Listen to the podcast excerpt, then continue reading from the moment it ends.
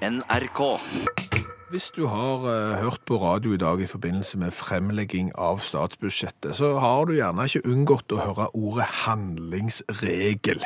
Handlingsregelen er nevnt i hvert eneste bulleteng siden en begynte å snakke om budsjettet. Ja, og, og hva er den? Handlingsregelen det er jo den regelen som fastslår hvor mye en skal bruke av oljepengene til enhver tid i norsk økonomi.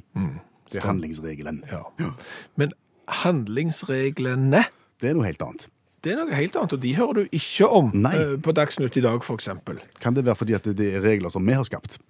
Ja, det kan det være, siden vi har lagd de sjøl, at det er derfor det ikke blir eh, omtalt. Men det er jo regler om handling. Og det er viktig. Ja, ja, ja. Altså handlingsregelen som vi snakket om i forbindelse med statsbudsjettet, det er, det jo bare de voksne politikerne som på en måte kan gjøre noe med og bestemme hvor mye en skal bruke. Men handlingsreglene gjelder meg, gjelder deg, gjelder deg som hører utakt nå, i butikken hver eneste dag. Stemmer det. Og, og, og de vil vi gjerne sette fokus på, for har vi gode handlingsregler, eh, så er verden et bedre sted å bo. La oss gå igjennom utakt sine handlingsregler. Nummer én. Kjenn din plass i køen. Dersom du står bakerst i en lang kø, og en ny ekspeditør plutselig sier 'ledig kasse' ved siden av, så er det ikke din tur. Nei, for Det er jo særnorsk, tror jeg, at hvis det åpner en ny kasse, så tror alle at det er fritt fram. Selv om du står bakerst og ikke har stått lengst i kø i det hele tatt, så bare frekt og freidig så hopper du fram og kaprer den nye kassen. Det er jo ikke sånn. Eh, Ny kasse tilfaller den som er nummer to i den opprinnelige køen. Handlingsregel nummer to. Vær konsentrert og effektiv ved brødskjæremaskinen. Ha plastposen klar når det oppskårne brødet kommer ut. Ja, for det er ikke oppskjæringsmaskiner til brød til alle, så her må du stå i kø. Og ikke bli overraska når brødet plutselig kommer ut. Oi, er det det jeg har gjort? Ja, jeg har lagt et brød oppi maskinen, og så skal det skjære det i skiver, og så kommer den ut. Du må være klar. Du må lagre opp med poser som skal tres på, og du må ha jobbe så fort og effektivt du kan, sånn at ikke køen bak deg blir uforholdsmessig stor. Handlingsregel nummer tre. Vær raus ved flaskeautomaten. Dersom du f.eks. har to store sekker med tomflasker som du skal pante, og så kommer det en kunde bak deg som bare har bitte litt, bare noen få flasker, slipp vedkommende foran deg i køen. Stemmer det. Det er bare å trykke på pantelappen, og så tar du en liten pause i pantinga. Det er jo av og til folk i panteautomaten som ser ut som de har vært på flaskeinnsamling for et idrettslag, og i tillegg hatt fest, som står og panter. Så kommer det en stakkar med fire tomflasker. Vær greie. Slipp de forbi. Handlingsregel nummer fire. Ikke opphold køen dersom du oppdager at du har glemt noe akkurat idet du skal betale. Gjennomfør betalingen, pakk varene som allerede ligger på båndet, og gå så rolig tilbake i butikken og finn det du har glemt, og still deg bakerst i køen igjen. Stemmer det. Har du glemt noe, så er det ditt eget eh, ansvar. Og den der når du beinflyr nedover reolen fordi at du har glemt rømme til tacoen, og så må alle stå og vente mens du skal finne eh, rømmen i kjøleskapet. Står den ved siden av yoghurten, eller var den ved siden av det der kesamen, eller er han der med Oi, var det lett? Hvor er lettrømmen? Du mister fort hodet, da. Ja, du gjør det. Så bare fullfør den handlingen du var i ferd med, og så begynner du på en ny handling etterpå. Handlingsregel nummer fem. Betal alltid før du putter varene dine i posen.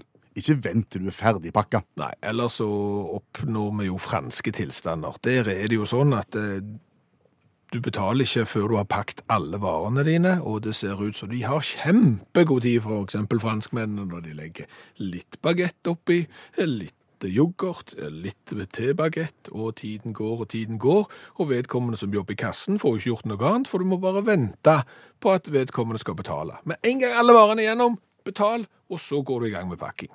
Siste handlingsregel nummer seks. Dersom du har kjøpt et stort antall identiske varer, ikke legg alle på disken. Det holder at ekspeditøren skanner en av den, og så forteller du hvor mange eksemplarer du har i korga. Jeg har 36 juskartonger, for de var på tilbud. Skal vi se, det var ti opp... Nei, bare ta én. Ja. Og det samme hvis du har kjøpt deg omtrent eh, 36 brus. Det holder å sette opp på én hvis det er identiske varer. Det er effektivt og, og ja, Realt. Realt, ja. Det var Utakt sine seks handlingsregler. Antageligvis så finnes det mange, mange flere. Ja, så Derfor så har vi lagt ut våre handlingsregler på Utakts i Facebook-gruppa. Her er det bare å supplere. Så går vi igjennom, og så ser vi om vi ikke i løpet av uka kan få fullført et skikkelig handlingsreglement for hvordan du skal handle når du er i butikk. Du, eh, Jan Otto Ruud har sendt oss et veldig interessant spørsmål. Kom an. Han har lenge lurt på uh, hvorfor dame- og herreplagg har knapper på forskjellig side. Knapper på høyre side på herreplagg, sier Jan Otto, og på venstre side på dameplagg. Er det en grunn til at det er slik, eller er det ikke? Jeg tror det er en grunn til det. Er det det? Har vi vært borti dette før? Ja, det er det jeg tror. Eh, For mange, mange år siden så tror jeg vi var borti denne problemstillingen med høyre- og venstreknapping Ja. i forbindelse med kjønn. Eh, Og det som jo er litt ugreit nå, Ja. det er at dette skal jeg prøve å ta på husk. Ja. Det er alltid litt skummelt, Ja, for, for du har en husk som er gjennomgående ganske dårlig. ja det er Men han er veldig god på veldig små, sære områder. Så hvis vi er heldige, da, Ja. så er han god innenfor for knapping på herre- og dameplagg. Ja. Hva husker du? Det jeg tror er at bakgrunnen for dette er påkledersker. Jaha. Fordi at eh, drar du langt tilbake, og, og du hadde penger nok på bok, Ja. eh, og hadde eksempel egen parykk, eh, og hadde ett toalett blant de tusen rommene på slottet, så var det gjerne sånn at du som kvinne ikke kledde på deg sjøl. Nei. Du hadde påkledersk. Ja, da var det noen som skulle hjelpe deg eh, med å kle på seg, og dermed så, så blir det jo sånn at når noen skal kle på deg, eh, så blir jo påkledingen speilvendt, hvis du skjønner. Ja, For da står en mot hverandre. Ja, det er litt som at hvis jeg skal ta slipsknuten for noen, så må jeg fysisk ta slipset av de og tre det over min egen hals, for ellers så klarer ikke jeg å klippe knytte slipsknuten, fordi den blir da speilvendt for meg hvis jeg ikke gjør det sånn som jeg pleier. Akkurat. Og det samme med påkledersker. Eh, Da, når knappingen ble eh, speilvendt, så måtte de flytte knappen over på andre siden, sånn at det ble rettvendt for de som skulle knappe. Ok, Så det er, det er mannevarianten som er den rettvendte her, mm -hmm. utgangspunktet, mens, mens den kvinnelige er, er, er speilvendt. Det er sånn jeg husker det, Ja. i, i hvert fall, og jeg, jeg tror det er rett. Mhm. Men det er jo litt rart. Ja, for jeg tenker at det, det er vel ikke veldig mange som, som opererer med påkledersker. Nei, jeg tror de aller fleste slutta med påkledersker på 1970-tallet. Fra ikke var 1970 litt før det, tror Ok, 1960-tallet da, da begynte damer å kle på seg sjøl, Ja. etter det jeg har grunn til å tro. Så etterpå det så er det jo litt rart at egentlig knappene henger igjen. For damene har jo blitt gode til, til å kle seg ja, selv. de er kjempegode! Ja, ja. Oh, ja, ja, når jeg har fått øvd nå i mange år til å kle seg sjøl, og det har gått veldig godt. Ja. De kan bruke veldig lang tid på det òg, og de er veldig flinke. Så åpner de klesskapet, og der er det kjempefullt med klær, og så kikker de inn der, så sier de først nei, nå har jeg ingenting å ha på meg. Så går de ut og kjøper noe nytt, og så tar de det på seg helt på egen hånd. Mm. Uansett hva vei det er knapping, er det intet mindre imponerende. Verden har gått virkelig framover. Det var ironi. Godt at du sa det, for det er ironi i radio er vrient. Ja, det er veldig vrient. Men det som jo er litt rart når vi først er inne på knapping, Ja. det er jo glidelås. At eh, hva for noe? Det er jo glidelås. Ja, jeg skjønte det, men hva er, hva er løye med det? Ja, fordi at det, det er jo en form for evolu, evo, evo, ev, ev- Evolusjon. Ja. At først så hadde du knapper, Ja. og så var det en smarting som kom på at det er jo utrolig upraktisk med mange knapper. Eh, Jeg lager glidelås. Så lagde de glidelås, og det revolusjonerte jo igjen knappingen på, Ja. på mange vis. Ja, Iallfall i Gulfen. Ja, og så er det noen som kom på, nei, nå skulle vi funnet på noe nytt. Ja, men det er ikke noe nytt å finne på. Nei, da finner vi på det som var. Og så går de tilbake til knapp. Så nå kan du kjøpe deg eh, olabukser med, med knapper i gulfen, mens eh, glidelåsen er jo helt klart mye bedre, i hvert fall hvis du har underbukser på. Helt sant. Så, så det er jo spesielt. Men, men det er vel litt med estetikk i dette her òg, hvis en ser vekk fra Gulfen. Mm. På, på skjor... Du, hvi- Hvitskjorte med glidelås, det, det er ikke det samme. Nei, smokingskjorte med glidelås har jeg ikke sett. Jeg tror heller ikke jeg har sett dressjakke med gli- glidelås, når, når du sier det. Du har ikke sett dunjakke med knapper heller. Nei, men det er praktisk igjen, så det går på slå begge veier her. Ja. Men tenk deg å ha lagd den første dressjakken med glidelås. For, for dressjakken har jo gjerne bare to-tre knapper, Ja. så skal den være veldig åpen på toppen, og så skal den sprike litt og være litt åpen i bunnen. Ja. Hvis du da bare monterer en glidelås på, la oss si, 10-15 cm på, på midten, hva kunne det vært noe? Prøv det. Ja. Nå skal du få lære ei bok som de aller, aller fleste amerikanere har lest, eh, og som de fleste nordmenn burde ha lest, men eh, så langt derifra. Ja, for dette er pensum eh, for mange skoleelever. Det er liksom boka du skal lese når du går på ungdomsskolen i USA, som ikke heter ungdomsskole, men det er nå greit. Eh, Men vi har jo sikkert ikke vondt av å lære den, eh, som du sier, og, og da kan du lese den sjøl, eller så kan du ta en snarvei. Ja, og Da blir du med nå på vårt lavterskeltilbud Lær en klassiker på fire minutter. Vi får med oss Janne Stigen Drangsholt, som er litteraturviter og forfatter, og som går igjennom verket for oss.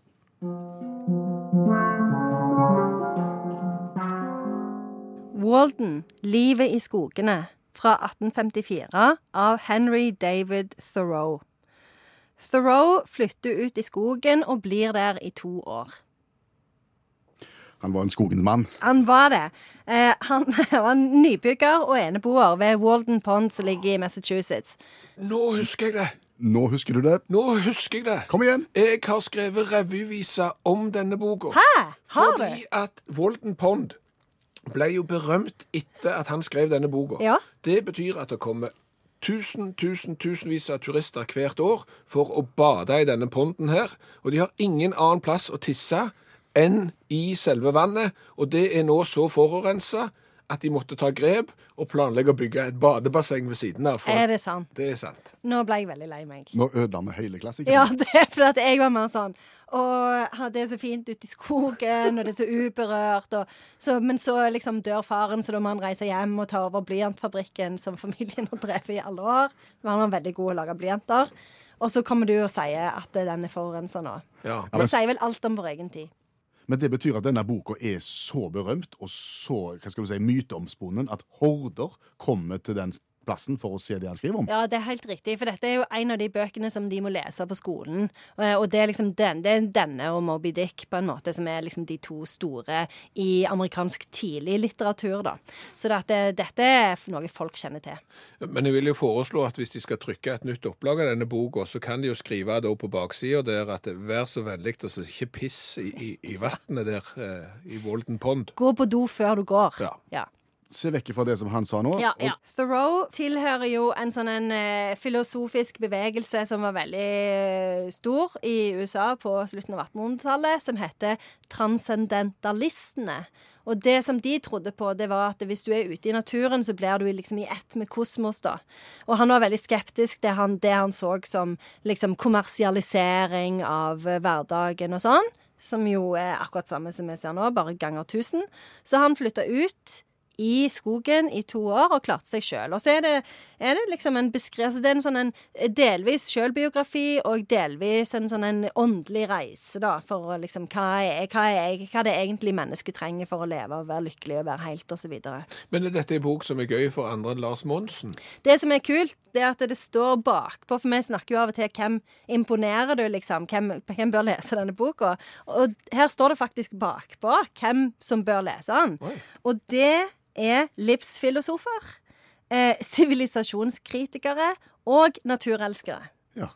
Og det som er jo kult nå, det har jo både fun fact om Walton Pond i dag og et lite referat av boka i én og samme sending. Så jeg tenker at eh, vi har naila det. Det er en godtepose. Ja, det er det faktisk. Det er det. Eh, Men er dette på en måte hverdagen i skogen? Ja, jeg det er sto det. opp, jeg, jeg fisket, jeg Ja, fikk og litt sånn eh, Faktisk òg, det, det som gjør det relevant for vår spalte, er at han snakker om hvor enormt viktig det er å lese klassisk litteratur når du bor ute i skogen. Eh, Men særlig på gresk og latin, da, så der er vi jo ikke, vi er jo ikke helt der. Eh, Men, men han tenker liksom over ting. Tenker over verden og livet og sånn. Og så snakker han sånn så Denne her dammen er han jo veldig opptatt av å liksom kartlegge, da. Så han driver jo og måler og liksom prøver å beregne hvor stor og dyp han er. og Akkurat det er jo litt gøy, da. Men det er mye som er veldig, veldig fint. Men det er jo ganske paradoksalt da, at denne boka skriver han, og skriver om det han skriver om, Ja. og så går det x antall år, og så blir det en turistmagnet, og så blir det ødelagt akkurat sånn som han skriver at det, ikke Det, blir. det er så ironisk at jeg blir men han hadde nok ikke sett for seg at måten eh, tjernet ble ødelagt på. Men Nei. nei, nei, den, den, den er ikke lett å se. Nei. Og han, han døde jo ganske ung, da. Eller ung og ung. Han var 44, like, like gammel som meg. Eh, så, og han døde av Han fikk bronkitt. Sant? Den hadde, typisk eh, 1800-tallet. Går ut, så får du bronkitt. Ja, ja. Og så Sikkert vått hår. Ja, ja, garantert. Så, eh, men, men det som er eh, Han er jo veldig opptatt av ensomhet, da, som, eller liksom at det å være aleine ikke er eh, så ille. Eh, og jeg har jeg har et veldig fint sitat om akkurat det. Vær så god. Ja. Et menneske som virkelig tenker eller arbeider, er bestandig alene i sin verden, hvor enn det befinner seg. Er ikke det litt sant? Jo, det er helt sant, og det syns jeg var veldig fint og veldig trist. Så for han sier at liksom det, han, han er, kjenner seg ikke ensom eh, der ute i skogen. Han syns at det er fint å være der, og han har aldri følt seg alene. Så han sier at det var én gang han kanskje kjente seg litt alene. Men det gikk fort over, fordi da begynte det å regne, og da hørte han på lyden av regn, og da, ja ja, da gikk det heldigvis over. Kan du oppsummere dette verket for Ja, oss? det tror jeg faktisk jeg kan. Hvis du setter fokus på et naturområde som blir berømt, så ødelegger du det. Så Walden er ødelagt litt av forfatteren sjøl, som frykta at noen skulle ødelegge naturen. Ironisk. Ja, det er det. Tusen takk, Janne Stigen Drangsholt, forfatter og litteraturviter. Og verket i dag heter altså Walden, livet i skogene av Henry David Thoreau. Veldig bra å uttale. Jeg tror det er franskinspirert. Thoreau. Eh, Hvis du vil høre denne boka eller alle de andre vi har vært igjennom, så er det en egen podkast. Kjente bøker på fire minutter heter den.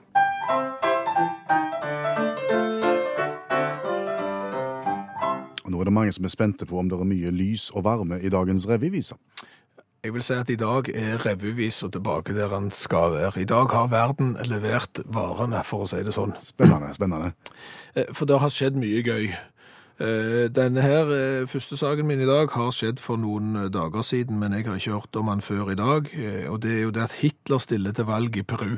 Det er veldig spesielt. Det er veldig spesielt. Per Hitler stiller til valg i Peru, og Lenin er imot. Ja, det vil jeg tro. Ja. Eh, Og da tenker du kanskje tilbake til, til nazisten Adolf Hitler og, og marxisten Lenin, som eh, kanskje ikke var enige i ett og alt. Eh, Men det er ikke sånn. Det er nemlig det at Hitler Alba Sanchez stiller til valg som ordførerkandidat i området Jungar i Peru for det kan du si, sentrum-høyrepartiet Somos Peru som betyr noe sånn 'vi er Peru'. Og Lenin, Lenin Vladimir Rodriguez Valverde, han er imot. Han syns ikke at Hitler skal få lov å stille til valg, siden han heter Hitler, så han har prøvd å legge inn et forbud, men det går ikke. Så Hitler stiller nå eh, til valg. Mussolini, er han under sperregrensa, eller? Han, Mussolini er kanskje under sperregrensa, men eh, Alba, altså Hitler han er jo ikke eldre enn 37 år, eh, og du kan kanskje spørre hvorfor heter han Hitler. Eh, Og det forklarer han sjøl med at eh, på 80-tallet så var det veldig populært i Peru å gi barn og navn som hadde utenlandsk opprinnelse. Men faren var nok kanskje litt dårlig i historie. Ja. Så, så han ante ikke helt hva Hitler verken var eller sto for, og dermed så het han eh, Hitler. Så jeg begynte litt på den sangen der. Jeg hadde jo første linja klar. Hitler stiller til valg, og Lenin erke blid. Det er nesten som 1939. Ja, men så- men så stoppet det Så opp. stoppet det opp. Ja. Så derfor så måtte jeg gå videre, og da havna jeg i Canada. I Montreal, eh, der en eh, mann som heter Gregioro de Santis eh, rydda i klesskapet. Hva fant han? Han fant da en, en lottokupong Ja. som ga han eh, 12 millioner kroner. Det må være ganske artig å oppleve. Ja, eh, og hadde det ikke vært for søstera, så hadde han ikke fått tak i denne lottokupongen. For det var hun som sa at vet du hva, det ser ikke ut her. Du er nødt til å rydde, og du kan begynne i klesskapet. Så det gjorde han, og i frakken sin så fant han da eh, lottokupongen. Den er bra. Den er god. Eh, Men vi skal ikke der heller. Hvor skal vi hen? Vi skal til India. For der er det en bussjåfør som ikke lenger har jobb. Han har mista lappen, eller? Nei, han har mista bare jobben. Okay. Ja, eh, og bakgrunnen for det er fordi at på mandag eh, så tok han med seg en apekatt på tur. Akkurat. Ja. Han hadde sin egen personlige apekatt med på jobben. Ja, Jeg er ikke helt sikker på hvor apekatten kom ifra, men har du hørt om langur apekatt? Nei? Nei, du, du har gjerne sett for deg. De har sånn svart ansikt, og så har de litt sånn frisyre som Ibsen og Bjørnson hadde. Ser du for deg de? Ja. Ja. ja. Sånn en hadde han da med seg. Og den apekatten fikk lov å sitte på rattet i bussen og være med å styre. Og, og, og det varte, og det rakk òg. Han skal visstnok ha styrt bussen i ti minutter. Og, og folk syntes jo dette var stas. Oh, ja. Det var 30 passasjerer. De var jo helt henrykt over at apekatten kjørte bussen. Når han styrer bussen, så går det så bra på veien til Bangalora. Sant? Ja. Og, og de har jo filma dette her, selvfølgelig. Lagt det ut på sosiale medier. Og det er jo ulempen her. Det er ikke alle sjefer som er glad i apestreker. Nei, stemmer det. Og dermed så har jo sjefene nå sett eh, hva bussjåfør Prakash faktisk drev på med, eh, og da fikk han sparken eh, nå i helga. Kjipt. Men det har blitt en sang om det. Absolutt.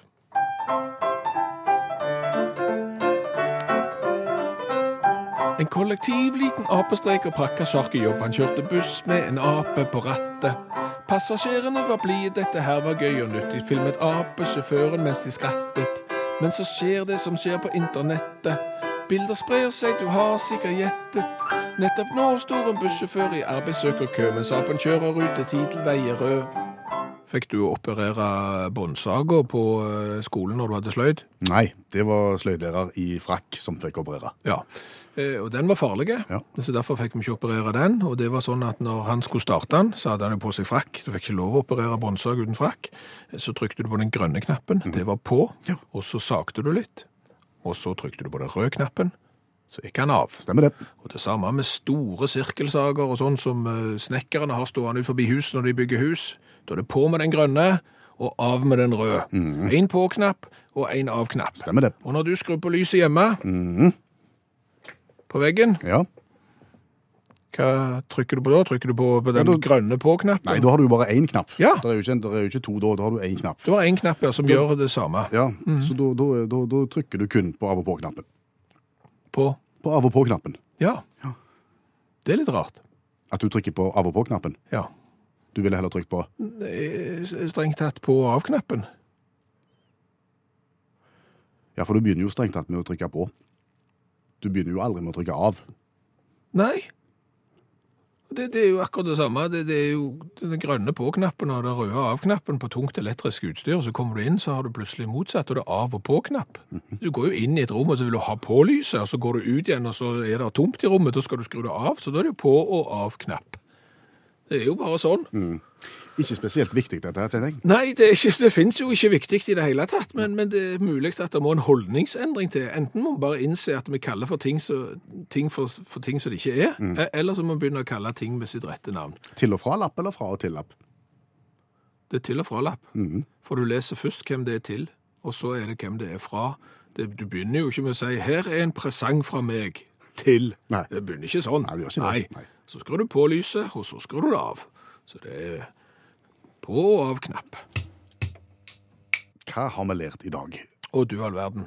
Mye. Ja, vi har lært mye. Vi har jo blant annet lansert handlingsreglene, Ja. som ikke må eh, blandes med handlingsregelen. Mhm, Som handler om hvor mye oljepenger en skal bruke. Ja, handlingsreglene handler om hvordan vi skal oppføre oss i butikk. Ja. Eh, Vi har lagt ut en skisse til løsning på Facebook-gruppa vår. Der er det kommet inn mange ekstra kommentarer, så dette skal vi utarbeide til et ferdig dokument etter hvert. Ja. Eh, Sissel mener at handlingsreglene er mye viktigere for henne enn handlingsregelen. Sier du det? Ja, Ja. Og, det er veldig bra at hun syns det. Lisbeth syns òg at handlingsreglene, når de er ferdige, må slås opp i alle butikker i hele Norge. Mm. Gi oss ett eksempel på en handlingsregel. Det er jo eksempel Håkon eh, som mener det at vareskillepinnen, eh, den skal være både foran og bak de varene du skal kjøpe. Og at det er du som handler, som er ansvarlige for å legge den pinnen bak. Og det er ganske interessant, for det pleier normalt sett å være den som står bak i køen, som legger vareskillepinnen på før sine egne varer. Men da vet du jo ikke om kunden foran har lagt på alle sine. Nettopp. Så det er klart at det er jo et signal om at nå har jeg lagt på alle mine. Du legger vareskillepinnen bak, og dermed vil du få både foran og bak hele veien. Og vips, så hadde vi ny handlingsregel. Veldig bra. Knut lurer på om vi kan inkorporere i handlingsreglene og handlingsregler for selve butikken. Ja, det kan vi. Altså hvordan de skal oppføre seg, for han er jo veldig, veldig vare for når, når noen begynner med omplassering av varer. Ja. For han er jo vant med hvor noe skal være i den butikken han handler, og, og ligger det på en annen plass, så blir det jo klatt. Unngå omplassering av varer bør være en handlingsregel. Ja, og legg ananasen ved siden av meisen, vil jeg ha med. For det er naturlig. Ja, men altså, ananasen ligger jo aldri ved siden av meisen. Han ligger jo sammen med de hermetiske pærene en helt annen plass borti med, med, med risengryne og sånn. Hører ikke til der. Den hører til sammen med hermetiske tomater og mais. Sånn er det. Jeg kan ikke snakke mer om det. Nei. Så har vi lært litt om eh, å kneppe knapper. Om å Kneppe knapper. det, Du sa ikke det tidligere? Nei, jeg gjorde ikke det. Frode i Asker skriver i harnisk. At vi har sagt 'å knappe knapper'. Ja, ærlig talt, det heter knepping. Man knepper knapper slik man aldri bretter opp armene for å ta i tak, man bretter opp ermene. Fint at du minner oss på det, Frode. Ja, men det det handler om er hvorfor er dame- og herreklær ofte speilvendt knept med knapper. Ja. At herrene har knappene på høyresiden, damen har knappene på venstre side. Og det går visstnok tilbake til når damer hadde påklederske. ja, og for at det skulle unngå å bli speilvendt for påkledersken, så ble det gjort på den måten der. Stemmer det. Eh, Men på sykehus er visstnok alle sorter venstreknepper, og det følger jo den logikken at de kanskje trenger hjelp til å kle seg, de som er på sykehus. Dermed har du venstreknapping. Men hvis jeg ikke tar feil, så er vel knappene på ryggen. Er det ikke sånn kjortler sånn, sånn åpne bak, der du går med halve rumpa ute, og så Jo. kan de være knepte hvordan de vil? Det hjelper jo ikke, du kommer ikke til der bak uansett. Den har skreid ut. Ja. Eh, Så har vi jo lært det at eh, Henry David Thoreau, mannen som skrev Walden, Livet i skogen, han skrev det som en hyllest til naturen og hvordan vi skal ta vare på den. Den boka ble så populær at folk valfarta til det stedet han skrev boka, og nå har de klart å ødelegge det vannet som han skrev om. Hør flere podkaster på nrk.no podkast.